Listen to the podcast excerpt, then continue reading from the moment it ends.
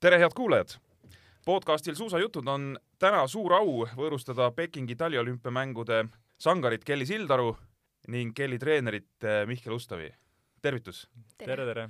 kas te olete saanud nüüd eh, olümpiamängude järgselt natukene hingega tõmmata või tegelikult on neid vastuvõtte ja visiite ja kõike hästi palju ja, ja väga keeruline on selle ajaraamiga hakkama saada? No praegu me oleme tegelikult veel nii lühikest aega Eestis olnud, et pigem puhata pole saanud, et eks käimist ja tegemist on ikkagi suht palju on nii, Mihkel, jah? on küll, jah, et äh, saame vähemalt välja magada ennast, aga põhimõtteliselt päevad on täis pakitud.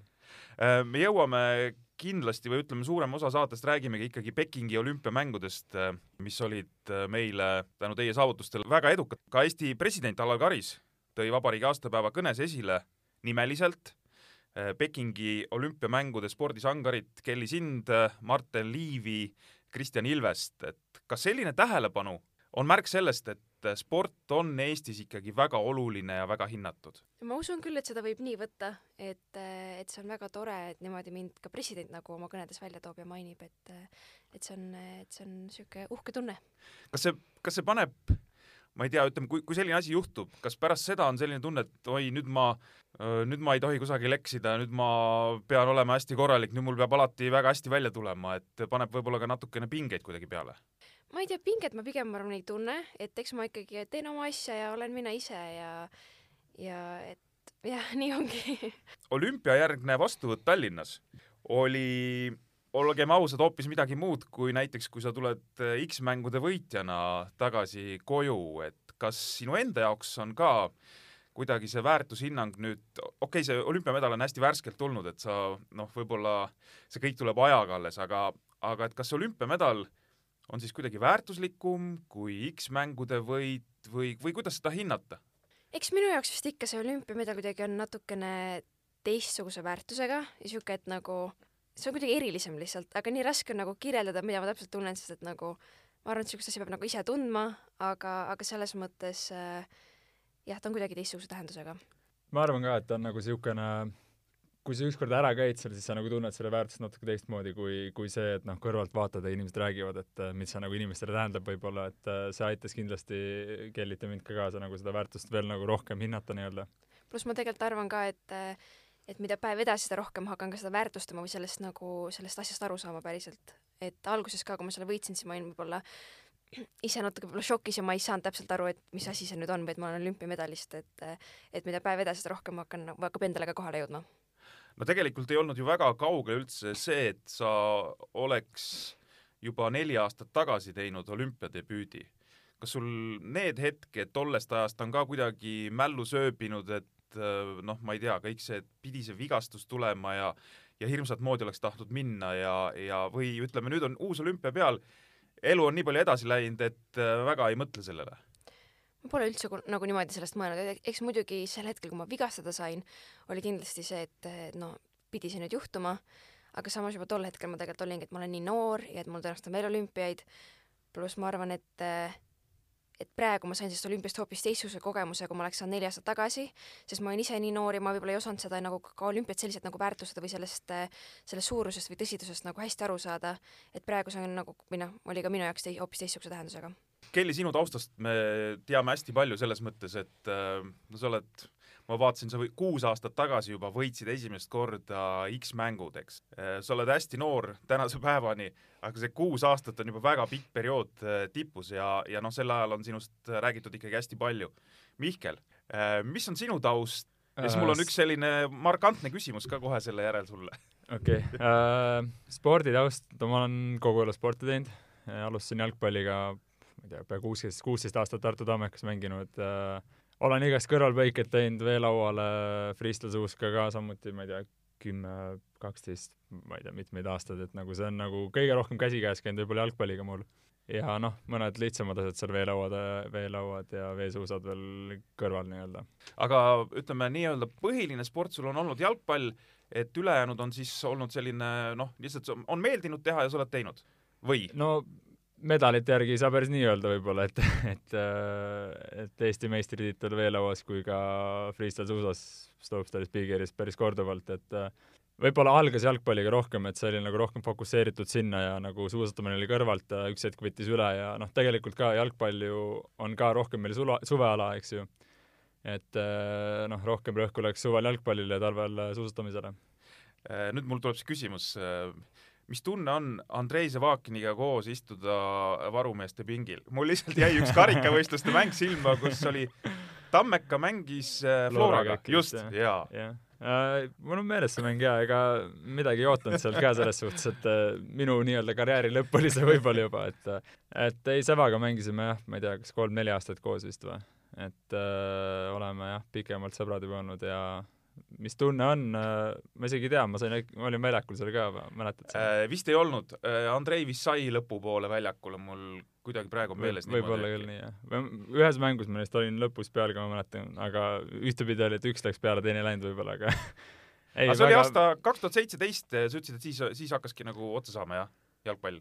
jah, no mm -hmm. oligi, eks see oli noh, me sellel hetkel äkki mängisin duubli all, et, et noh, treener ka võib-olla pani selles suhtes, et tahetakse ju ikkagi sajaprotsendilist noh, commitment'i nii-öelda sellele spordile, et kui ma nagu kõrvalt tegin suusatamist ja noh, keha ka nagu ei pea võib-olla vastu kogu aeg neid kordamööda teha, et et üks hetk oligi selle küsimuse ees, et kas ma tahan nagu jätkata siin ja nagu käia nagu noh, neli korda nädalas trennis kindlasti kohal või on, või on see, et ma jätan midagi vahele ja noh, tegelen pooleldi suusatamisega ja siis sealt enam-vähem niisugune otsus sai tehtud ka.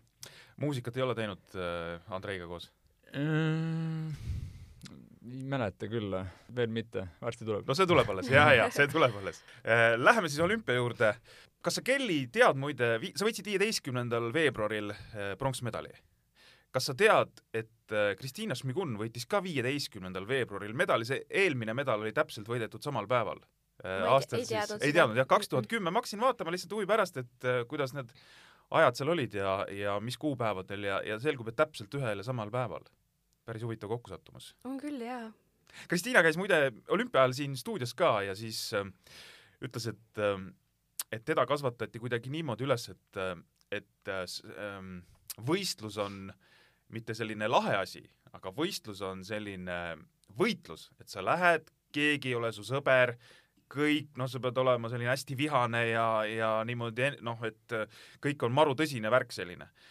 aga ta ütles, et samas ta teab suusatajaid, noh näiteks ameeriklannad, kes lähevad noh, fun, et me lähme ja neil tuleb ka välja, et, et kuidas sinul see on, et kas sa oled ka selline, ütleme noh, kuidagi eriliselt üles krutitud sellel võistluspäeval või pigem on ikkagi see, et lähen ja naudin pigem ma lähen ja naudin, et ma tunnen, et siis mul tulevad asjad ka võib-olla paremini välja ehm,. aga ma arvan, freest-, freestyle'i kommuun on üldse siuke, et kõik on nagu kogu aeg sõbrad võistluste ajal, treenides, kõik suhtlevad kõigiga, räägivad, toetavad üksteist, elavad üksteisele kaasa.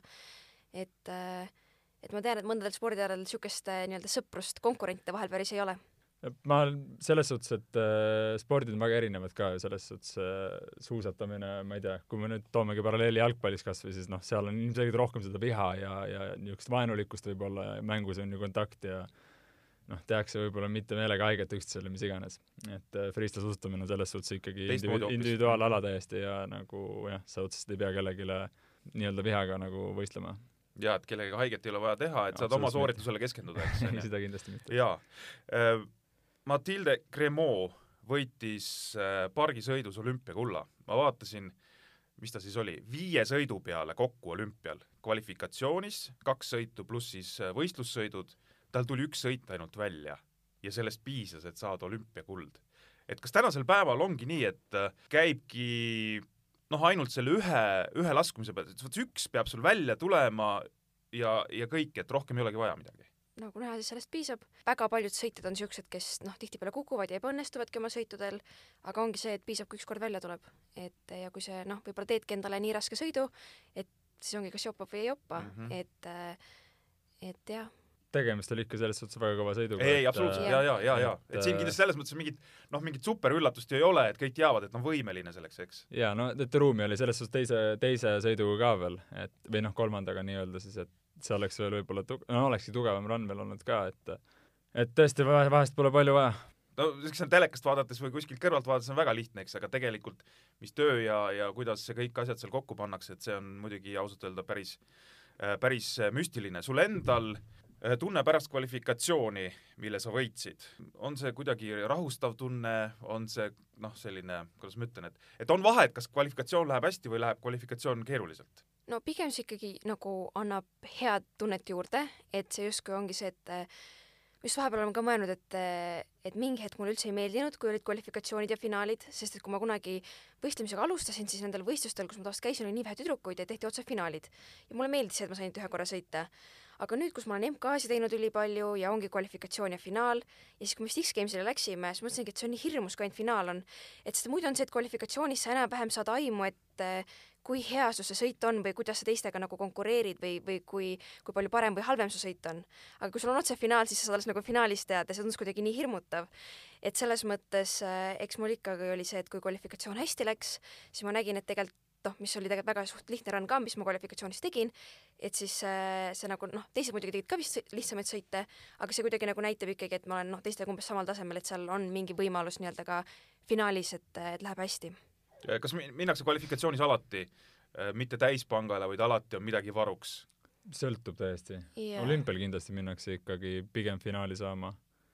kuigi fina- või äh, kvalifikatsioonis olid, olid ka päris tugevad tüdrukutel et äh, olümpiavõitja sai üldse viimasena ju kvalifikatsioonist edasi, eks? jah, tema koht tegelikult ennem rääkisime pooleli see, et tema see run, mis ta tegi nii-öelda, tegelikult see ühe korra maandus seal ära ainult treeningul, nagu jälgisin, mis ta teeb ka. et äh, see kahekordne, mis ta esimesest hüppest tegi, see oli tegelikult esimest korda tegi treeningul ühe korra seda, saigi hakkama sellega ja läks nagu selle tunde pealt finaali, et noh, tegelikult ka on niisugune piiripealne noh, sooritus võib-olla, et sa ei ole tegelikult valmistunud selleks sõiduks, aga näed, tuli hästi välja ja, ja tasus ära kohe. Mis need olud seal, ma pean silmas just see ilm, tuul, külm, tegelikult paha, paha seal õues olla, et kui palju see mõjutab?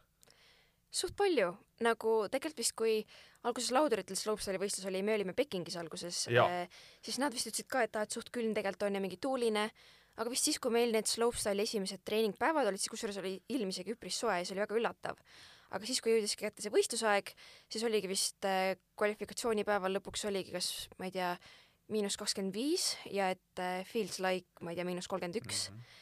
Äh, et noh, see oli mingi väike vist lumesadu, tuul ja no lihtsalt külm, et see ikkagi nagu mõjutab suht palju, sest et noh, kuna me ei ole harjunud niisugustes tingimustes nagu varasemalt treenima või võistlema, et siis ma vahepeal ka tundsin, et et pigem põhirõhk treeningutel või kvalifikatsiooni ja finaali soojendusel läks pigem nagu põhirõhk sellele, et kuidagi sooja saada või sa kogu aeg mõtled sellest, et aa, et mul on külm või kuidas nagu ennast lõdvaks lasta, et mitte ei keskendu oma sooritusele.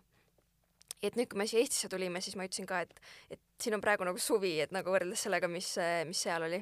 aga oli see kuidagi ootamatu ka selles mõttes kõik see eh, kliimaasi seal või, või te enam-vähem teadsite ette, et seal võib olla midagi sellist? me ikka vist eeldasime selles suhtes, et eh, noh, teatavasti on see koht kogu aeg olnud külm ja, ja niisugune tuuline koht, et äh, noh, ma otseselt mingit erilist ettevalmistust selle jaoks ei teinud, et panime lihtsalt ühe kihi rohkem äh, selga ja võtsime mõned soojakotid kaasa.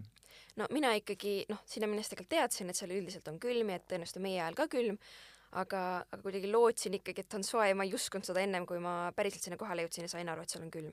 muidugi üllatav vist oli see, et meil äh, suht palju sadas lund seal, et see pidi väga-väga haruldane olema et kas keegi isegi ütles, et, et kümme aastat pole seal nii palju lund sadanud. et muidu ongi vist, et aastas võib-olla mingi paar korda sajab, aga meil oli juba nädala jooksul, ma ei tea, kolm-neli korda. Kas te saite elada mitmes sportlaskülas või te olite ju alguses Pigeer oli ju Pekingis, eks, ja pärast yeah. hilisemalt olid siis selles Zhangjiakus mm. -hmm, just. kas seal on olümpiaküla, nende sportlaskülade vahe ka kuidagi, et äh, üks oli uhkem kui teine või täpselt samasugune? no Peking vist oli ikkagi natuke uhkem seal need majad olid kõik siuksed ka mingid kõrged kuueteistkorralised, pluss nagu need korterid, kus me olime, olid palju nagu suuremad, aga, aga kuidagi mulle vist tegelikult ikkagi meeldis see Chanchaku rohkem, et noh, küll olid väiksemad ja kuidagi sihuke, kuidagi kodusem tunne veits oli või sihuke mõnusam, et noh, aga kindlasti mängis suurt rolli ka see, et teised eestlased olid seal ja koridori peal kuulsid eesti, eesti keelt ja et kuidagi mulle nagu isiklikult meeldis äh, Sanchakus vist rohkem ikkagi. ja ma mõtlen ainult selle tee peale, mis oli sinna sööklani et, et umbes sama pikk tee oli mõlemal, et äh, lihtsalt äh, Sanchakus oli, ma ei tea, miinus noh, ongi kakskümmend viis seal äh,, tuul puhus kogu aeg, ripsmed näitasid ära, kui sööma läksid ja tulid külmetades tagasi, et äh, et Pekingis oli see vähemalt mõnusam, et väikse, no sama palju maad põhimõtteliselt, aga vähemalt oli soe selle söögiga oli ka seal erinevaid jutte, et kuidas siis oli, et sai kõhu täis ja oli okei okay.? jah, no No kõhu saime alati täis, ma arvan ikka. no ma isiklikult vist ootasin sellest toidust natuke rohkem. noh, ega mul ei olnud varasemalt väga kogemust, et mis see toit on, noh, kui ma seal Lausanne'is noorteolümpial käisin, siis seal pigem oli ikkagi nagu väga hea toit ja kuidagi toit maitses hästi, oli noh, suur valik, no tegelikult vist ikkagi praegu oli ka suur valik, aga kuidagi mingid asjad nagu kattusid, olid kuidagi sarnased. et, et noh, pluss mingi toit oli siuke suht nagu maitsetu, et tegelikult mõned ütlesidki vist, et Pekingis pidi parem toit olema kes olid siis Sanjakus käinud, aga kui meie Sanjakusse läksime, siis me olime alguses ka, et ei, nagu siin on parem toit. et eks see veits nagu muutus, lihtsalt oli võib-olla vaheldus, aga noh, lõpuks me olime seal Sanjakus ikkagi pikemalt ja ma arvan, viimased paar päeva, kui me seal olime, siis enam-vähem me ei tahtnud enam isegi sööklasse ega sööma minna, sest toit on kogu aeg lihtsalt sama, et sa ei jaksa sedasama toitu kogu aeg äh, nii palju süüa. ja et minu arust see korduma hakkas nagu see liha ja kõik valik oli kuidagi niisama, aga mi- mis oli nagu parem kui Pekingis, oli see, et Pekingi nagu minu arust liha oli kõik siukene nagu plain. ahjuliha nagu, et ei olnud nagu kuskil olnud mingi kastmed või maitsestatud, või no ikka maitsestatud oli, aga aga siuke noh, peale vaadates ta ei ole nagu siuke väga appealing sulle. aga jah, tõesti nende viimastel päevadel Shangri-La's oli ikka seesama kana jälle kõnnid sisse, vaatad seda, mõtled, et ei taha, tahaks midagi muud proovida. jah, ma vist kõige rohkem sõingi sellised riisi ja mingit liha, nagu see riis oli nagu lõunaks ja õhtuks ja no vahepeal hommikusöök oli ka hilisem, siis oli hommikusöögiks ka riis. et kodus nüüd väga riisi ei söö? praegu pole veel söönud, aga kusjuures see riis oli tegelikult hea, nagu mulle meeldis, ta oli kuidagi sihuke, ma ei tea, õhulisem või sihuke, ta oli natuke noh, teistsugune kui see, mida me oleme Eestis või mida me oleme varasemalt harjunud sööma, et see riis oli tõesti nagu hea. Teile, teie jaoks oli tegelikult ju hästi pikk olümpia, et selles mõttes ju eh, lipu kandmine avatseremoonial neljandal veebruaril ja, ja millal te sealt eh, tulema saite? kakskümmend kaks veebruar? et see on tegelikult eh, väga pikk periood, kui te seal kohapeal olite, et et kas eh, see ka nagu väsitas ära lihtsalt, et see, et see, et see oli, oligi nagu selline noh, pikk aeg seal kohapeal olla. no ma ütleks, et äh, pigem nagu see, et me ei ole nagu kolm nädalat ma ei tea, noh, niisuguse graafikuga võistlused teinud varem, minu arust vähemalt, et äh, me oleme teinud nagu nädal üks võistlus, nädal teine võistlus, nädal kolmas, aga praegu oligi niisugune, et pikk paus alguses, siis tuleb mingisugune võistlus, siis tuleb äh, jälle natuke aega pausi, siis tuleb kaks võistlust järjest ja siis on jälle pikk paus, et nagu niisugune natuke eba, ebameeldiv graafik meile võib-olla. aga no tegelikult läksime juba esimesel veebruaril sinna, et, et noh, kakskümmend kaks päeva tuli vist kokku. kakskümmend üks vist. no kolm nädalat, eks ju. et päris äh, lõpus oli ikka minu, minu jaoks olnud päris väsitav võib olla seal.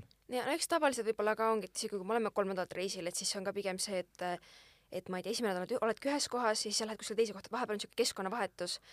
et noh, eks meil oli ka alguses põnev, kui me nagu Pekingist Sanjakusse läksime, aga kuidagi siis järgmised kaks nädalat oli niisugune noh, pigem nagu tüütu lõpuks ikkagi, et seal olla, et noh, noh, pluss see ka, et sa ei saa tegelikult nagu ringi vaadata ega kuskil käia. et noh, muidu tegelikult, kui me oleme kuskil välismaal, siis me ka nagu liiga palju ei käi kuskil, vaid pigem ikka noh, sa lihtsalt ei, füüsiliselt ei jaksa. aga, aga no eks vahepeal ikka võib-olla midagi on, lähed sõidad autoga kuskile või vaatad ringi või lähed kas toidupoes või kuskile, aga nüüd oligi nagu see, et kuidagi see nagu rutiin tekkis lihtsalt, et see oli suht hea punkt, nagu eile käisime toidu, või noh, mina käisin vist toidupoes, et äh, üllatavalt hea tunne oli kuidagi toidupoodi minna, ma ei tea, et sul on niisugune valik ja saad midagi võtta, mis sa tahad ja et äh, seda võib-olla tundsin suht palju puudust, nüüd, nüüd kui ma aru saan sellest. no mul oli noh, seega võib-olla, et kui me nii-öelda sealt Hiinast lendasime Helsingisse maandusime, et siis sa oled Helsingi lennujamas ja seal on nagu inimesed ja ei ole ainult nendes kostüümides tüübid ja et kõik inimesed, no okei, lennujamas kandsid ka kõik maski, aga kuidagi siukest tunne kuidagi, sa oled nagu tagasi nagu päris maailmas justkui või siuke nagu siuke kodusem tunne tuli kohe. et said poes käiku nautida ja oi muidugi, väga mõnus oli. et tegelikult võib eh, väga lihtsatest asjadest rõõmu tunda, onju. jah, just nii on. esimene võistlus oli Big Air, noh, ega, ega, ega vist ütleme niimoodi, et liiga suurte ootustega ju sinna sellele võistlusele ei läinud, eks onju. üldse mitte, ma isegi ei tea, kas mul oli mingi eesmärk, ega algselt vist ei olnud isegi plaan nagu finaali saada, lihtsalt oligi, et ma lähen lihtsalt võistlen, teen oma soorituse ära ja lihtsalt vaatame, kuidas läheb.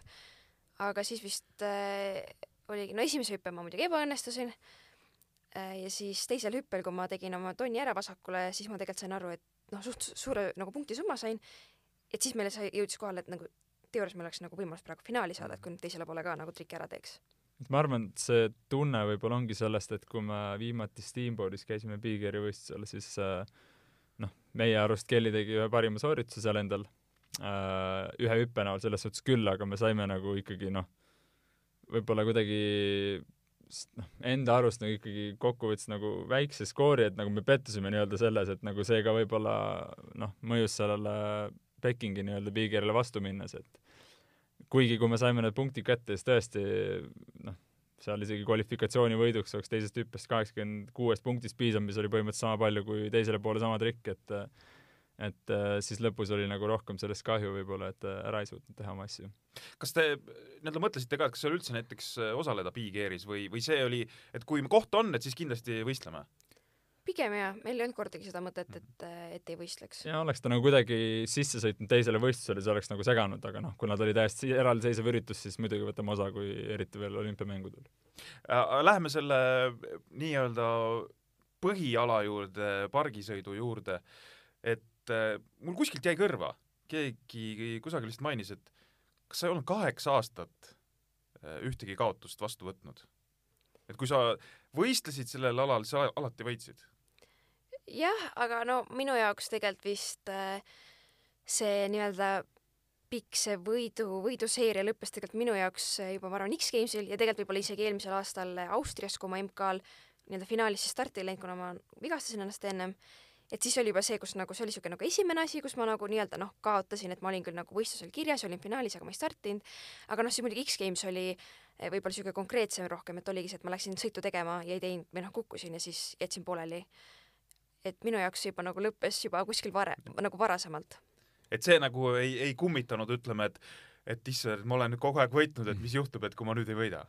eks see natuke ikka mõttes oli, et mul on nagu hea meel, et see nüüd nagu ära tuli, et, et eks see muidugi nagu mingitel võistlustel ikka oli niisugune mingi pinge, et aga et mis siis, kui ma nüüd ei võida enam, et siis mu see nii-öelda see järjepidev võitmine nagu lõpeb. et, et nüüd on võib-olla kuidagi pingevabam, kui see, kui see ongi nüüd läbi. aga eh, ma veel kord tahan toonitada, et tegelikult ei ole hullu, et see katkes, loomulikult äh, noh, ütleme, olümpiamängud oleks võinud veel, veel nii-öelda jätkuda, aga et medal tuli, see on igal juhul väga, väga suur asi ja ma noh, ma saan aru, et su enda jaoks on ikkagi ka see ülimalt suur asi. Äh, muidugi, mida räägitakse siin hästi palju või on räägitud ka olümpia ajal, no ikka need klambrid. et äh, kui siin oli see varasematel aegadel rahvuslik suusapõlv et noh, et mis selle põlvega saab, siis nüüd on, mis nende klambritega ikkagi saab, et ma lihtsalt tahan küsida seda, et ma nägin seal ka seda halfpipe'i võistlust, et seal tulid suusad jalast ära, noh, ja, ja ikka juhtub, eks, kui, kui palju seda siis reaalselt nagu juhtub, et, et ütleme, et tõesti lööb nagu suusa jalast ära?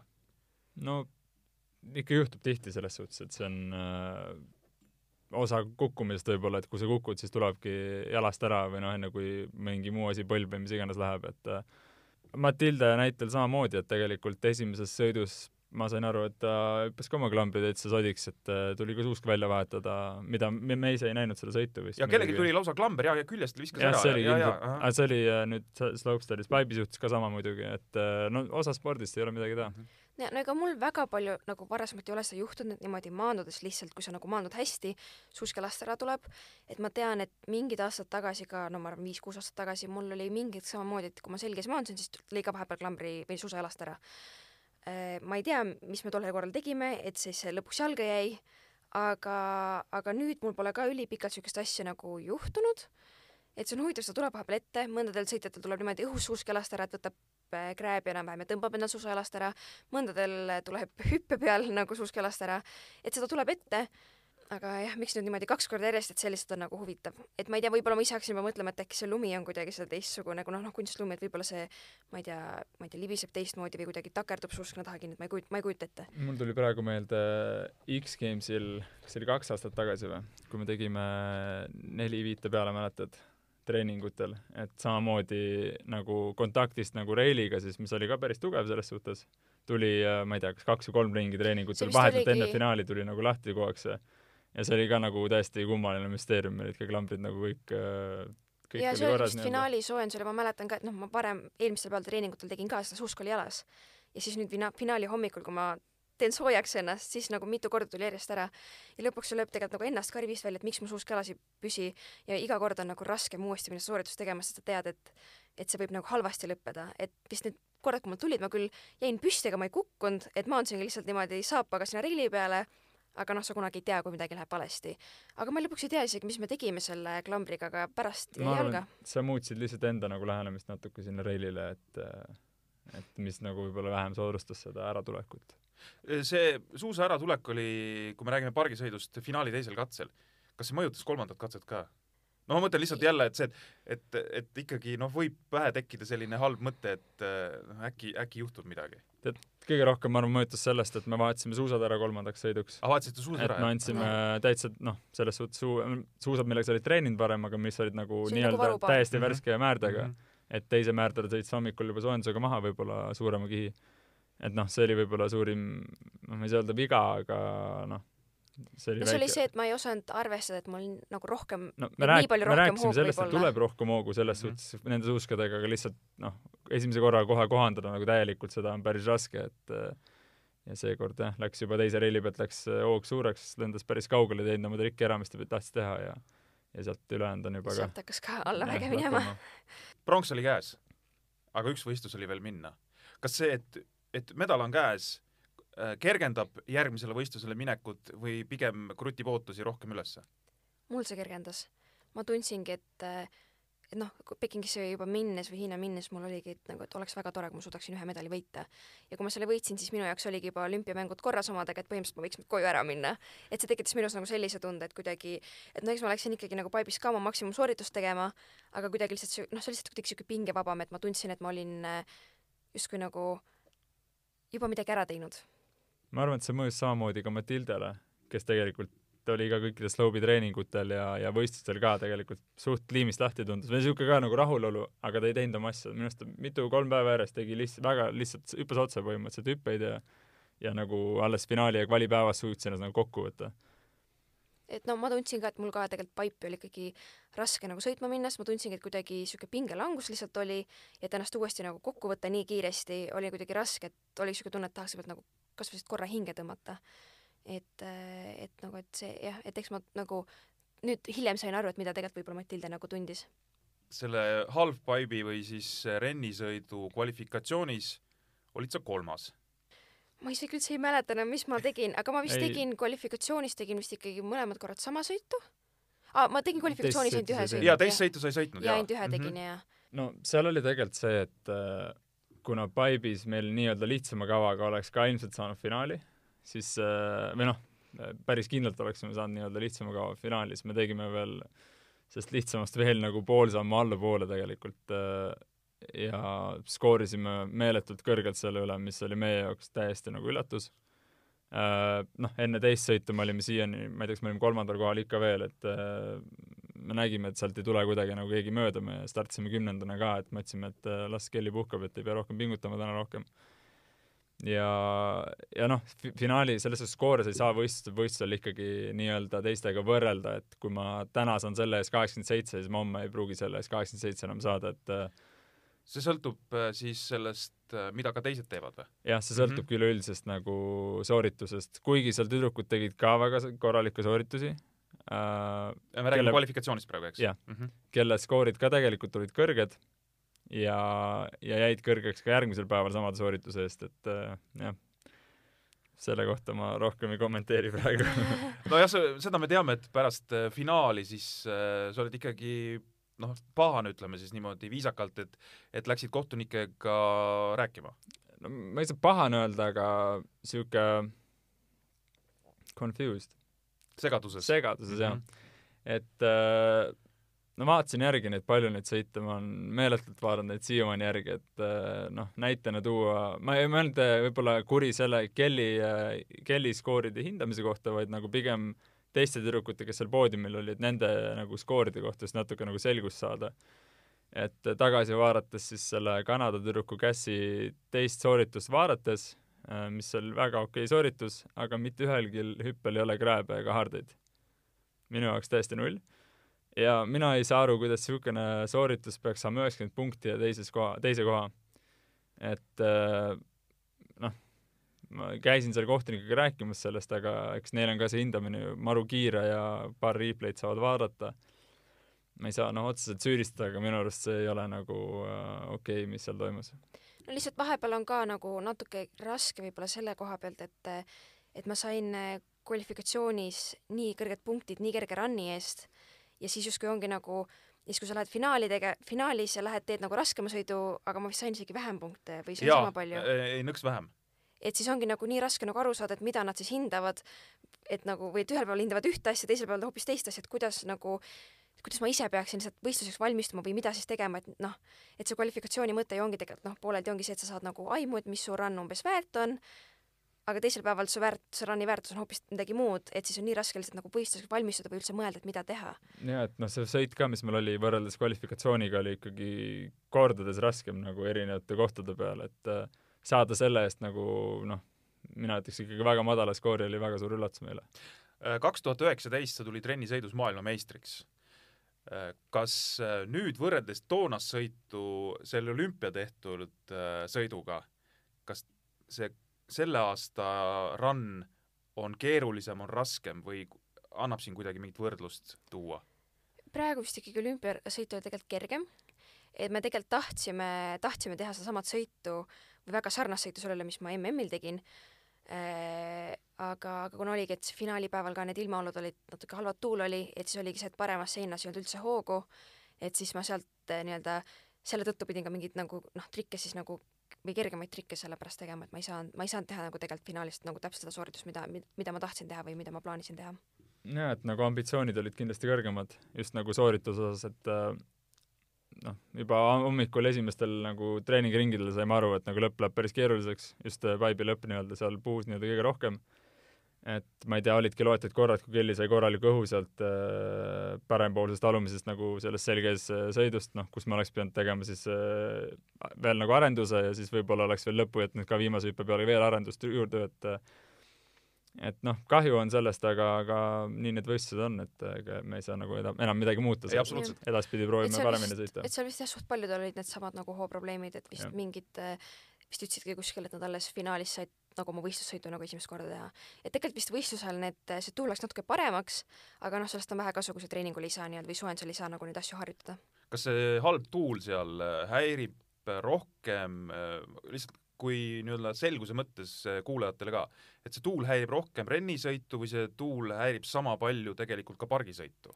See häirib rohkem pargisõitu, ma arvan. rohkem isegi pargisõitu, jah? see sõltub väga tuulest, et noh, kui pargis äh, vahepeal on vastutuul, siis sul võib olla nagu täiesti võimatu hoogu saada, pluss tegelikult äh, sloobis see võib olla natukene ohtlikum, et isegi kui sul on tagant tuul, siis arvestad sellega terve aeg ja pidurdad hoo maha, aga ühel hetkel, kui tuul näiteks täiesti ära kaob, siis äh,, aga oled juba hoo maha pidurdanud, siis on sul hüppesse liiga vähe hoogu, et see võib nagu ohtlik olla. et paibis noh, muidugi on see, et see tuul küll on ja ta takistab seda hoogu, aga sul ei ole paibis võimalust niimoodi otseselt nagu nukki hüpata, et sa ei maandu landinguni välja, et sa sinna seina peale maandud niikuinii, lihtsalt iseasi on see, et kui kõrgele sa saad nagu hüpata või palju sul selle jaoks hoogu on? no mina ütleks, et need on ikkagi võrdselt ohtlikud. et äh, kes sattus seal äh, meeste paibisõidu finaali vaatama, siis me nägime ikka päris, päris koledaid kukkumisi seal ja seal oli ikka päris korralik torm peal ka. et kes seal hüppasid ääre peale, kes hüppasid alla, et päris mitmed äh, kutid said kõvasti vigastada seal ei no see on selge, et kui me räägime ekstreemspordist, et midagi ei ole teha, et ka freestyle äh, kindlasti on selles mõttes ekstreemne sport, et et seal vist paratamatult noh, käib see kaasas, et, et midagi võib juhtuda.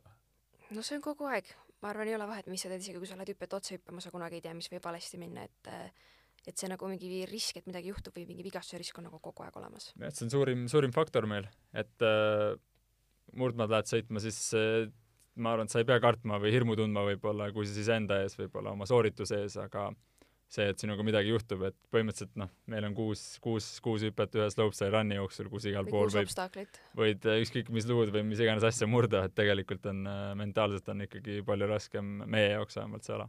ei, selge, mentaalselt peab olema üli üli enesekindel ikkagi või hästi-hästi selline ennast usaldama, et äh, siin ei ole, ei ole küsimustki äh,.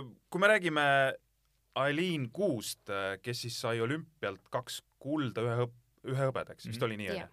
et äh, mis on tema fenomen, et äh, mi-, mi-, miks ta oli nii edukas või miks ta viimastel aastatel on üldse olnud nii edukas, et kas ta teeb midagi täiesti uuel tasemel või, või mille, mille pinnalt see tuleb? tubli, tubli tüdruk, motivatsioon on väga kõrgel, väga, väga suure töövõimega tüdruk äh, noh, see näitab, et igal pool selles suhtes maailmas läbi lüüa, kui sa piisavalt tahad ja piisavalt trenni teed selle jaoks. et äh, ei ole midagi halba öelda, minu arust väga, väga tubli tüdruk ja, ja kummardus tema soorituste ees. aga, aga on tal midagi sellist noh, ekstra või tegelikult ei saa öelda, et ta nüüd teeks, ma ei tea, midagi kardinaalselt uuel tasemel, kui teised seni on teinud? pigem vist mitte, jah, et äh, ma isegi ei oska öelda selle kohta ta lihtsalt, ta on nüüd noh, ta ongi vist mingi viimase kahe aasta jooksul ongi nii-öelda pilti kerkinud. mm -hmm, ja eks ta noh, tegelikult eks ta tase ole tegelikult noh, suht sama nagu teistel tüdrukutel on, et me, eks me oleme kõik seal eh, top kümme oleme suht siuksed võrdsed, et kes ühel korral poodiumil, kes mitte, onju. et, et ta lihtsalt on eh, hästi järsult lihtsalt eh, tippu tõusnud, aga et ta midagi siukest võib-olla nagu nii erilist või midagi siukest, mida keegi teine ei teeks vist, siukest asja päris ei ole. jah, võib-olla vaata tegelikult teadlikumalt lähenenud ka just võistluste mõttes, tegelikult on ju, me oleme teda, ma ei tea, mis aastast, kaks tuhat kaheksateist oli juba äkki Uus-Meremaal treenimas ta onju. Et noh, me oleme näinud teda võib-olla pikemalt juba, aga nagu võistlusseeriat ta alustas tegelikult eelmise aasta X-Gamesiga äkki või? nii-öelda, nii-öelda suurema võistluse skeenet nii-öelda. jaa, sest ta on kaks tuhat kakskümmend on ta alles ju noorte olümpiapäevadel võistelnud, noh et sealt ju, ju siis sealt, et seal ta võitis ka kaks kulda, et, et sealt vist on hakanudki kerima siis jah, eelmisest aastast põhimõtteliselt, eks., et äh, jah, suuremad need võist-, võistluse sooritused on sealt, kuigi ta enne seda oli juba tegelikult väga hästi sõitis, et äh, lihtsalt hoidiski ennast ilmselt äh, nende viimase kahe aasta jaoks. Äh, kui äh, olümpia äh,, räägime selles mõttes olümpiamängude tasemest selles plaanis, et kui nüüd kaksteist inimest saab finaali, on kvalifikatsioon, kaksteist saab finaali, kas kõik need kaksteist hea õnne korral võivad sekkuda medalimängu või seal on ikkagi ütleme niimoodi, et on mingi kiht veel, et, et kõik päris ei, ei ole nii sellisel tasemel? no see on sport, seda on väga-väga raske niimoodi nagu vaadata selliselt, et noh, vist meil tegelikult slopestyle'is olid küll seal top kaheteistkümne sees ka siuksed tüdrukud, kes pigem pole väga ammu poodiumil olnud või kes üldiselt ei ole, aga noh, piisab sellest, kui nemad ühe korra oma sõidu ära teevad ja kõik teised ebaõnnestuvad. et siis nagu, et noh, seal on niisugust nagu noh, kõik võivad poodiumile tulla ikkagi lõppkokkuvõttes. jah, ma pigem ka pooldaks seda, et tegelikult kui me vaatame tulemusi tüdrukutel, siis äh, kõik on ilusti poodiumil olnud, enam, enamus vähemalt. ja ka inimesed, kes või tüdrukud, kes jäid äh, finaalist välja tegelikult on ka ikkagi väga kõrgetes, Megan kas või ma ei tea, mitu korda X-Games'il, kes oli eelmine olümpiavõitja, ei saanud finaali sel korral. et no tegelikult ikkagi konkurents seal ees on ikkagi tihe, et ükskõik mis alal. vaatan, et äh, null koma seitsekümmend viis punkti on jäänud äh, rennisõidus puudu pronksist, eks. Mida see null koma seitsekümmend viis punkti tähendab, kui noh, lihtsalt ära seletada kuulajale, kes ei ole freestyle suusatamisega põhjalikult kursis. kas see null koma seitsekümmend viis, no võib olla ka see, et äh, me siin rääkisime äh, ütleme siis mitte nagu kohtunike suvast, aga lihtsalt, et see, see null koma seitsekümmend viis võib peidus olla ka seal, et kuidas kohtunik äh, noh, lihtsalt noh, täna ma, tal on tunne, et ta täna hindab seda asja niimoodi ja ja homme hindab seda asja niimoodi ja see võib tegelikult olla, see null koma seitsekümmend viis punkti võib peidus olla ka seal. ja ma olen nõus sellega. no nende punktidega on tegelikult ka see, et, et noh, see on küll null koma seitsekümmend viis punkti, aga, aga kohtunikud pigem panevad neid punkt, nad panevad selle punktidega lihtsalt järjekorra paika. Et võib-olla isegi kui ma oleksin eh, kolmandal sõidul teinud midagi palju paremini, ma võib-olla oleks null koma kakskümmend viis punkti rohkem saanud, seda võib-olla lihtsalt nägid, et ma ei oleks väärinud kolmandat kohta, et ma oleks natuke küll punkti juurde saanud, aga mitte piisavalt, et see ei tähenda nüüd seda, et sa lähed, teed ühe hüppe raskemalt ja sa saad need punktid kindlasti et, et vist oligi, kui me olime detsembris ka esimest Paibi MK-d tegin, siis ma tegin ka iga sõit tegin palju parema soorituse. aga justkui ma ei saanud punkte sellest juurde, et siis see nagu noh, et tegelikult see ongi see, et nad pan-, et see on lihtsalt rohkem see, et nad panevad selle koha lihtsalt paika selle järgi. jah, noh, mis on samuti tegelikult ju ma ei tea, võistlejate jaoks täiesti nagu Arusaamatu. Minu jaoks, Mhm. minu jaoks siiamaani täiesti arusaamatu, et äh, tõin ka selle Cassi näite, et kui tema esimene sooritus oli kaheksakümmend üheksa punkti ja teine sooritus on nüüd üheksakümmend punkti, siis see näitab, et äh, no miks sa siis pead võib-olla näitama, et seda kõrgemale veel tõstad või et ei saagi aru äh, korralikult, võistlejatel on väga raske nagu mõista, treeneritel on väga raske midagi kokku panna, et äh, minu arust konkreetne praegune süsteem ei ole nagu õiglane ja kuidagi ei toeta sportlast. kas see hindamise süsteem võib kuidagi muutuda? näete te, et, et äh, noh, et see rahulolematus on kusagil ja, ja et, et saaks nagu täpsemaks minna, ütleme siis? ma ei tea, kas täpsemaks minna, aga no võib-olla X-Gamesit on hea paralleel tõmmata, et äh, nemad teevad tegelikult äh, samad kohtunikud põhimõtteliselt hindavad, aga nad ei anna punkte, et nad on lihtsalt järjestus.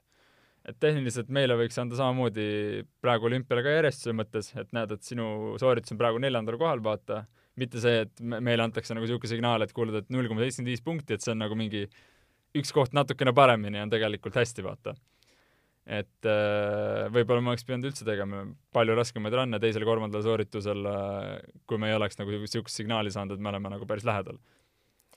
Aga noh, muidugi see, jälle punkte ei panda ja pan-, pannakse lihtsalt järjestus, siis on ka väga raske aru saada, et et kui pikalt sa kellestki ees oled või kui Mhm. taga keegi sul on, et nagu jah, et see on nagu ühtepidi teistpidi keeruline, aga ma hakkasin mõtlema ikkagi selle esimese soorituse peale Kellil, et miks me läksime sama sõitu teine run tegema, oli sellepärast, et Kelly viimasel viimasel hüppel nii-öelda natuke siputas jalgadega, mis näitas natuke ebakindlust minu, minu silmis.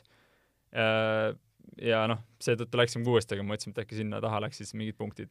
tegime uuesti sama soorituse, saime seitse punkti rohkem. seitse punkti rohkem. nagu no nii väike, nii väikse asja eest lihtsalt nii, nagu. tegelikult väga suur punktisumma juurde, eks jah? jah Jah., aga siis, kui ma läksin justkui kolmandale sõidule jah, et siis nagu veel juurde panema, Mhm. aga siis siis me saime nagu seitsekümmend viis, me saime üldse vähem jah, kaheksakümmend viis vist sain, et siis ongi nagu väga raske aru saada, et mis, mis see lõpuks nagu jah, jah, no on küsimärke ja siin meil on stuudios varem ka käinud inimesed, kes, kes siis freestyle suusatamisega kokku puutuvad ja, ja ega ütlevadki, et see, see kohtunike hindamine võib ka olla natukene freestyle. ei, ongi, muidugi. et äh, noh, subjektiivne, mitte täielikult, aga noh, suures pildis. Äh, kuidas käib kavade kokkupanek? selles mõttes, et hooaeg algab, nii, see aasta tahaks teha sellise kava, te panete midagi paika, kas, kas seda kava kuidagi, see muutub hooaja käigus või, või, või see käib üldse nii, et ma lähen ühele võistlusele, võin minna ühe kavaga, järgmisele võistlusele lähen teise kavaga, kuidas, kuidas see kavade asi käib? no slopestyle'is ongi pigem see, et et iga rada on erinev, ehk sa pead igal võistlusel tegema erineva kava ja, ja siis tegelikult noh, tavaliselt ongi see, et me näeme seda rada, noh hüpetel on suht noh, suht lihtne alati, et äh, ongi teen switch tonne, teen mingi ühe või teen switch üheksa ja teen otse üheksa, noh sõltub palju hüppeid on ja mis järjekorras nad on. ja, ja reilidel siis peabki vaatama hakkama, et, et noh, kas kõigepealt, kas reilid on alguses või reilid on lõpus, et kuidas sa tahad esimesse hüppesse minna või kuidas sa pead viimasest hüppest maanduma, et sa saaksid esimesel reilil teha seda, mida sa tahad. et see on erinev, et see on kogu aeg sihuke jooksvalt nii-öelda vaatad, et mõnikord on ka see, et mingi plaan on, sa hakkad tegema, aga saad aru, et see seal reili peal näiteks ei toimi, pead midagi ümber tegema. et, et slopestyle'is üldiselt on niimoodi, noh, Pipe'is on, Pipe'is on suht kogu aeg suht sama kava mm..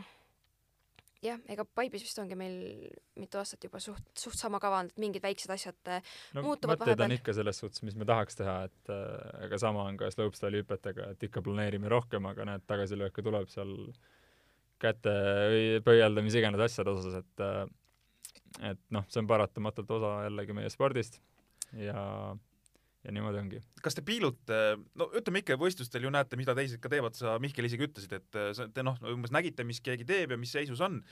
ahaa, nad teevad seda, me võiks ka teha seda. jah, kindlasti on niimoodi. minu puhul vähemalt, noh, Kelly üritab küll nagu hoiduda sellest võib-olla, et mulle see see ei meeldi, et ma hakkan kellegi teise järgi midagi tegema, et ma tahan oma asja teha ja nagu teen seda, mida mulle meeldib teha, ma ei pea vaatama, kuidas keegi teine midagi teeb ja selle järgi hakkama oma asju kokku panema. jaa, aga paratamatult nagu me, mina, minu töö nii-öelda on ka teisi jälgida, et, et noh, kui ma näen, et keegi on kuskil sektsioonil nagu kõvasti parem Kellis, siis ma tean, et nagu Kelly me peame siit juurde panema, et me üritame ikkagi nii-öelda parimat sooritust teha ja kõikidel sektsioonidel võib-olla võita, no nii-öelda võita. et äh, see on ka selle section by section äh, nii-öelda skoorimise juures äh, slopestyle'is, et hinnatakse eraldi sektsioone, ühte reili, teist reili kolmandat ja pärast antakse siis mingisugune skoor selle eest kokku, et et kindlasti aitab see võita, võita slopestyle'i võistlus, kui kõik äh, sektsioonid suudad ära võita. no muidugi mõnikord on kasu sellest, kui sa vaatad, mida keegi kus-, keegi teine kuskil teeb, et noh, mõnd-, mõni, mõnikord võib-olla ongi see, et meil kohe alguses on mõte, et aa, et teha sellel näiteks reilil või seal seda trikki, aga ei ole päris kindel, kas see toimib või kas ma julgen seda tegema minna, aga kui sa tegelikult nagu näed, et mingi teine tüdruk saab sellega hakkama, siis mingi, et aa, no kui ta saab, siis ma võin ka ju teha. et, et mõnikord on sellest abi, aga pigem ma olen nagu sihuke, et ma teen oma asja lihtsalt, et ma ei taha kellegi järgi hakata midagi kopeerima. mul täitsa asjakohatu küsimus võib-olla, ma ei tea. kas on vahest juhtunud niimoodi, et võistlustel on, no näiteks ma ei tea, on mõtted natuke hajevil, ükskõik mis mõ-, no mille pärast, et ma ei tea, no ei ole välja tulnud või mingid äh, spordikõrvased asjad, mis iganes, ja lähed hüppele ja, ja äkki hakkad mõtlema, huvitav, mis hüppe ma pidin tegema. või sellist asja ei saa tulla. ma võin omalt kogemuselt öelda, et minul on juhtunud niisugust asja küll, et äh, see on väga harv juhus, aga, aga võib tõesti olla niimoodi, et võib-olla sa maandud kuidagi ühe asja kehvasti võib-olla, jääd oma selle asja peale mõtlema järsku on hüppe ees, mõtled, oi, mis ma nüüd pidin tegema, onju. et äh, ma ei tea, kas kellelgi on niisugust asja ette tulnud? seda on vist tulnud ette küll, aga see pigem on siis, kui ma võib-olla olen lihtsalt niisama mäe pealt sõitmas või lihtsalt nii-öelda fun in vaata, et siis, kui mul ei ole kõik nii hullult läbi mõeldud, mida ma tegema pean, vaid sellest ongi see, et üleval võib-olla mõtlen, et aa, et ma lähen teen sealt hüppes seda trikki, aga hüppe peal oled, siis sa mõtled küll, et mida, mida ma tahtsin nüüd teha ja siis teed hoopis midagi muud võib-olla. Ja noh, tegelikult niisugust asja tuleb ka ette, et hüppe peal mõnikord mõtled ümber, et oletame, et äh, noh, kasvõi see aga kas, kas ümbermõtlemine tähendab automaatselt seda, et see ei, see ei õnnestu või? õnnestub, õnnestub ikka, jah? õnnestub. noh, jah, see oleneb. sõltub mõnikord paremini, mõnikord halvemini et tegelikult vist äh, olümpial ka slopestyle'i kvalifikatsiooni teisel sõidul ma vist äh, pidin ka tegema ikkagi teisest hüppest äh, switch seitset, nii nagu esimesel sõidul tegin, aga järsku ma lihtsalt sain aru, et mul vist on rohkem hoogu ja mul läks spinn üle ja ma tegin tonni hoopis, keerasin kolmsada kuuskümmend kraadi juurde. ja samamoodi oli tegelikult viimasel hüppel, pidin tegema üheksat, aga õhus ma mõtlesin, et ma teen tonni hoopis, et no mingeid asju saab niimoodi natukene nagu ümber mõelda. jah, ei selle ümbermõtlemise koha pealt äh, Matilde kolmandas rallis nägime ka, kuidas ta läks tegelikult kahekordselt tegema kolmandast hüppest. ja õhus lasi lahti selle asja, et noh, niisuguseid asju tuleb ette, see on kõige võib-olla ohtlikum asi ja võib-olla kõige raskem asi ka selle spordi juures, sest et sa peadki alati nagu olema sada protsenti äh, keskendunud. kui sa lased, lähed kahekordset saltot tegema, esimese peal teed ennast lahti, siis sa võid sealt igatpidi alla sadada, mis on väga ohtlik, aga selle koha pealt veel, kui Kelly rääkis, et äh, äh, et sõidus, kui mingi muudatusi tuleb ette, et mina näiteks üritan ka Kellile vähemalt välja mõelda niisuguseid asju, et kui me läheme mingit raskemat trikki võib-olla kuskil tegema, näiteks reili peal, et noh, oleme plaaninud tulla otse nii-öelda reili pealt maha ja otse järgmisse hüppesse minna, aga kui peaks juhtuma niisugune asi, et midagi läheb sassi ja juhuslikult maandume selge ees, et noh, niisuguseid asju on ette tulnud, tuleb teistel mul õnneks ei ole vist niisugust asja ette tulnud kunagi, et kus ma võistluse ajal mul ei tule trikk välja või niimoodi, et ma tulen valet pidi maha. et treeningutel seda on ette tulnud, aga võistlusel mul vist, ma, ma ei tea kordagi, et oleks, oleks niisugust asja olnud. nojah, aga ühesõnaga mõtleme ikkagi ette selles suhtes, kui see peaks juhtuma, et nagu kiire mingisugune plaan välja mõelda, et mis sa nagu edasi peaks tegema. et äh, see on, ma arvan, kõige raskem väljakutse üldse selle spordi juures, et ja ma kujutan ette, et kui mul peaks niisugune asi juhtuma, ma oleks täiesti paanikas, mingi, et mis nüüd saab. ma tõenäoliselt sõidaksin kõik järgmised hüpped kõrvalt, sest et ma lihtsalt ei suudaks nii kiiresti nagu adapteeruda nagu välja mõelda, et mida jaa. teha, pluss võib-olla ka see, et et sa said aru, et sul läks midagi untsu ja siis sa nagu lööb sind võib-olla rivist välja ja oledki natuke mingi paanikas lihtsalt ja siis see on nagu aga selles mõttes on teie ala nagu ütleme, selle võib-olla saab andeks, noh, selles mõttes, et kui on mitu sõitu, siis kui ühel juhtub, et siis selle noh, saab nagu ära parandada. See olenebki, kui hästi sa välja mängid selle, et sa saad selle välja mängida niimoodi, nagu ei juhtunudki midagi, sa tahtsidki Mhm, nii võib-olla mhm. nii palju teha. aga seal on ka tegelikult võib-olla see, et eh, kuna kohtunikud jälgivad ka tegelikult kõiki treeninguid, siis nad enam-vähem kaardistavad ära, mis trikke keegi kuskil teeb ja noh, võib juhtuda, et nad saavad aru, et tegelikult see mees või naine ei tahtnud seda trikki seal teha, kuigi ta mängis selle väga hästi välja, aga seda võib näha nagu no skoorist pärast üldiselt nad peegeldusena. ikkagi ei tohiks seda selliselt vaadata, et kui sul ikkagi oli õnnestunud sõit ja sa tegid kõik asjad ikkagi ära, siis nad ei saa vaadata, et võtavad sul kakskümmend punkti maha, sellepärast et see ei olnud see, mis sa teha tahtsid. sest ikkagi noh, sel hetkel, kui sa starti lähed, nad ju lõpuks ei tea, mida sa tegema lähed, noh, nad küll nägid, et sa treeningul harjutasid kogu aeg ühte asja, aga äkki sul nüüd võistlusel plaan muutus ja läksid hoopis seda tegema. Et tegelikult võiks hinnata ikkagi seda konkreetset sooritust, eks, mis sa seal nii-öelda tegid, onju. ega nad vist üldiselt hindavadki, ma räägin, mul ei ole endal kogemust olnud sellega, et mis siis, kui midagi sassi läheb ja pead kuidagi välja mängima, et ma ei oska, ma isegi, ja ma ei tea, kuidas teistel on olnud, et, et ma lihtsalt ei teagi, kuidas nad seda hindavad, aga mina nagu näen, et noh, nad peaksid ikkagi hindama seda sooritust lõpuks, et mitte seda, et kas sa eb- noh, ise ebaõnnestusid või mitte. ja mina tean kindlasti, meestel vähemalt on ette tulnud niisugust juhust, kus äh, selle pealt võetakse skoori maha.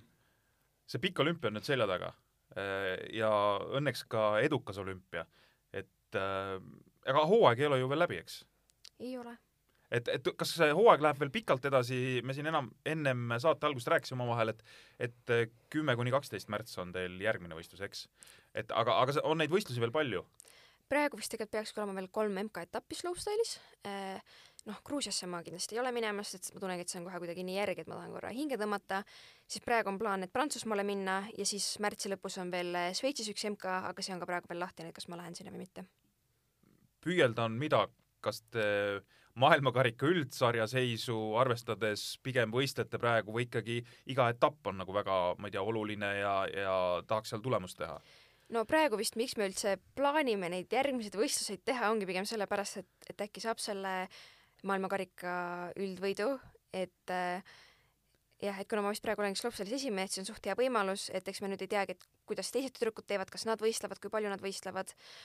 ja eeldused ongi kõigepealt, et teeme selle Prantsusmaa oma ära ja vaatame, mis seis siis on ja, ja et kas, kas on vaja Šveitsi minna või ei ole või kui, kui motiveeritud ma olen nagu sinna Šveitsi minema või seda karikat püüdma.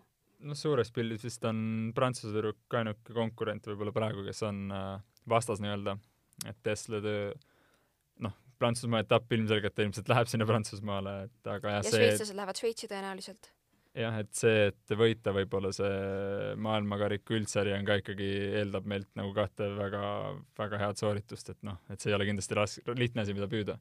ei kindlasti, aga, aga ma saan aru, et noh, see, see mõte ongi see, et tegelikult kui asjad on käeulatuses, siis tuleb proovida need ära võtta. et mine, mine tea, millal mina järgmine eks mine, mine tea, millal järgmine võimalus tuleb, onju. me võime Jah. küll arvata, et neid võimalusi tuleb kogu aeg, aga tegelikult ei pruugi tulla. seda küll, aga ma kuidagi lihtsalt tunnengi, et kuna see hooaeg on nii tihe olnud ja siuke pingeline, siis tunnengi, et kuidagi tahaks korraks nagu aja maha võtta, et, et noh, sellepärast ongi, et miks ma just sinna Prantsusmaale tahan ka minna, et ma olen kunagi seal võistelnud, kunagi Paibi mingil võistlusel, noh, ikka mitu-mitu-mitu aastat tagasi, et pole seal ammu käinud, et lihtsalt oleks sinna noh, tore lihtsalt kas või lihtsalt nagu tagasi minna võistlema, aga siis noh, ja siis selle Šveitsi koha pealt eh, peame ka vaatama, et ongi märtsi lõpp ja võib-olla mingid eh, muud, muud mingid asjad on ka plaanis tegelikult või mingid üritused, mis toimuvad, et, et siis me siis peame valima. no peame ka vaatama selles suhtes oma hooaega tagasi, et tegelikult meil on väga-väga-väga edukas hooaeg olnud jällegi, et äh, päris palju kuldmedaleid ja, ja mitmed poodiumid, et et see on võib-olla nüüd jällegi veel boonus, mis me nagu saame, mida meil ei ole kindlasti vaja, aga mis oleks võib-olla tore. Teie käest on juba küsitud ka, et mis saab aastaga kaks tuhat kakskümmend kuus? See on vist eh, üks kõige populaarsemaid küsimusi praegu selle klambri, klambri küsimuse kõrval. Ehm, ega ma ei ole praegu veel nii kaugele otseselt mõelnud, et eh, praegu, no kõigepealt oligi minu eesmärk lihtsalt olümpiaga ühele poole saada, nüüd on eesmärk selle hooajaga ühele poole saada ja, ja tõenäoliselt nagu siis korra hinge tõmmata suvel ja et siis nagu noh, suvel hakata tõenäoliselt tegema nagu plaane edastis, edaspidisteks hooaegadeks. neli aastat me... on ikka väga pikk aeg, et äh, see on veel päris kaugel meil niimoodi plaane otseselt ette teha vanuse poolest ju mingit küsimust ei ole, eks, et selles mõttes ma vaatasin, et äh, rennisõidus äh, sai hõbeda kahekümne üheksa aastane kanadalanna. noh, si-, sinna kahekümne üheksani sul on nii palju maad veel minna. on küll kümme aastat et, et, et vanus ei ole kindlasti ju mingi takistus, noh, isegi ma ei tea, üks olümpia, kaks olümpiat ei ole vahet no teoorias mitte, et eks see natuke sõltub sellest, kuidas keha hakkab vastu pidama, sest et eh, noh, ikkagi enamasti vist need, kes seal ongi praegu ka mõned, kes võistlevad, ongi kolmekümneaastased, nad on selle spordiga hiljem alustanud. Ja, ja noh, tegelikult üldse, miks paljud sporti lõpetavad, isegi kui nad veel ei ole nii vanad, ongi just sellepärast, et keha lihtsalt ei pea kogu sellele koormusele vastu. Ja no eks see paratamatus, mida rohkem ma sõidan, mida rohkem no vanemaks ma saan, seda rohkem hakkab tõenäoliselt mingeid vigastusi tulema, keha hakkab järgi andma, et siis lihtsalt nagu noh, seal on nii palju asju lihtsalt, mis nagu rolli mängivad, et vanus nagu, vanus vanust on mul, vanus, tähendab vanusega on mul veel ruumi nagu selles no, vanusega on sul kõik väga hästi. jah. aga, aga öö, noh, kõige tähtsam on ikkagi see motivatsioon ju, eks, et okei okay,, et isegi kui sul, ma ei tea, tervis natukene juba vastu ei pea, aga, aga noh, siis ikkagi on võimalus ju teha. et, et võib-olla tuleb lihtsalt väga valikuliselt mingeid asju teha, aga kõige alus on ikkagi motivatsioon. jah, on. no selles mõttes, et praegu ma tunnen kuidagi, et et äh, mul on motivats- või nagu eks mul ikka ole halvemaid ja paremaid päevi, aga, aga kuidagi, mis just võib-olla mind motiveeribki ja kuidagi aitab seda motivatsiooni hoida, ongi see, kui ma saan, saan, saan minna sinna sõitma ja võistlema, kus ma, kus ma päriselt ise tahan, mitte ei ole see, et ma tean, et ma tahan nüüd seda MK, seda karikat üldvõi-, üldvõitu saata, saada, et siis see nagu kuidagi nagu see ei aita, et kui ma pean sundima ennast kuskile minema, et mingit äh, auhinda või mingit asja saada, et pigem minu jaoks äh, ma pean lihtsalt ise oma sooritusega rahul olema ja tahtma seda teha, et siis nagu siis see äh, nii-öelda auhind või see kõik on lihtsalt selle tagajärg, et see on nagu boonuseks. et, et see, kuidas ma saan, või lihtsalt see, kuidas ma saan ennast lihtsalt mäel ise välja elada ja teha omi asju, et see kuidagi on see, mis nagu mind motiveerib. et jätkata ja heal tasemel jätkata, kas oleks kuidagi, ma ei tea, vaja meeskonda suurendada või tänasel päeval on, on, on sul kõik olemas, noh, nii, nii nagu peab nagu toimima no taustatiim selles mõttes vist on kõik nagu praegu toimib, kõik on olemas, rohkem, ma ei tunne praegu ise, et rohkem kellegi järgi otseselt vajadust oleks. millest võib-olla on puudus, on tiimist või nagu selles mõttes, kui teistest sportlastest, kellega koos siis treenida, kellega koos võistlemas käia, et noh, minu arust on just hästi lahe vaadata nagu noh, mingeid teisi koondisi, kui neil ongi, koondises ongi kolm-neli tüdrukut ja poisse veel ja et see on lihtsalt niisugune nagu äh, sa käid oma sõpradega kogu aeg nagu sõitmas et.... jaa, et üleüldine tase on ka nagu selles suhtes kõrgel, et kogu aeg noh, mängib suurt rolli selle no ikkagi nagu konkurents asi. mingil määral Just. ikkagi, eks on ju. aga noh, pluss ongi, et see, et sul on nagu sõbrad ka kogu aeg justkui nagu sinuga kaasas, nagu noh, niisugune teistsugune kuidagi meeleolu on kohe, kui sa oled rohkemate inimestega. mis selles osas teha annab? Ma mõtlen selles plaanis, et, et Eestis noh, ei anna, on ju, sellist tiimi kokku panna, aga kellegiga koopereeruda mingi Nei. teise riigi. jah, ilmselt äh, kellegagi koostööd teha, kas äh, ma ei tea, Norra, noh, mis minule silma särama paneb, võib-olla Norra koondis mulle meeldib väga ja noh, teine on Šveits. Šveits, eks ju. aga noh, see on jällegi, et kuidas nende, nende treening ka töötab, me otseselt ei tea seda veel, et äh, me näeme, mis nad teevad koos ja see nagu töötab hästi, kui nad käivad, aga noh, igapäevaselt nad ikkagi nagu mäe peal ei käi, et inimesed elavad ju Šveitsi te- erinevates otsades põhimõtteliselt. Et igapäevast treeningut teha ühes Šveitsi keskuses äh, nädala kaupa on ikkagi raske neile ka. et noh, eks me praegu oleme ka ikkagi natuke teiste koondistega nagu rohkem suhtlema hakanud, noh, šveitslastega vist just kõige rohkem, et eh, neil, nad teevad nii-öelda oma vabal ajal ka, käivad äh, mingeid asju tegemas, mingit discgolfi mängimas ja no mingeid erinevaid tegevusi, et nad on nagu meid korduvalt kaasa kutsunud ja suvel või sügisel isegi käisime nendega koos tennist mängimas ja ka mingit discgolfi ja asju, et et nii-öelda oleme saanud natuke nii-öelda olla ka osa nende tiimist, noh just vabal ajal. aga et noh, et eks, aga eks see ole ikkagi nagu see, et kui sul on ikkagi nagu oma tiim, siis see on ikkagi noh, natukene noh, teistmoodi tõenäoliselt. ja sealt võiks siis ju, ma ei tea, teha veel niisuguse väikse sammu veel ülespoole, et selles plaanis, et, et alati saab ju mingi, mingisuguseid asju paremaks lihvida, eks. muidugi. seda kindlasti. kui me nüüd hakkame juttu koomale tõmbama, et eh, kas eh, hooajajärgsed eh, puhkuseplaanid on ka tehtud juba või? Et eh, või, võiks ju lubada endale mõne puhkuse ka pärast hooaega. no eks me oleme siin natukene mõelnud erinevate asjade peale, aga pole midagi veel nagu ära otsustanud. et eh, ma ei tea, minu jaoks on puhkus see, kui ma saan kodus olla ja tuleb suvi kohe ja siis on ka siuke soe ja mõnus, et see on juba nagu puhkus omaette, et selle jaoks ei pea ilmtingimata alati kuskile mingi välismaale sõitma või reisile minema, et eh, et aga eks me, eks tahaks natukene võib-olla välismaailma ka natukene ikkagi võib-olla avastama minna ühel hetkel.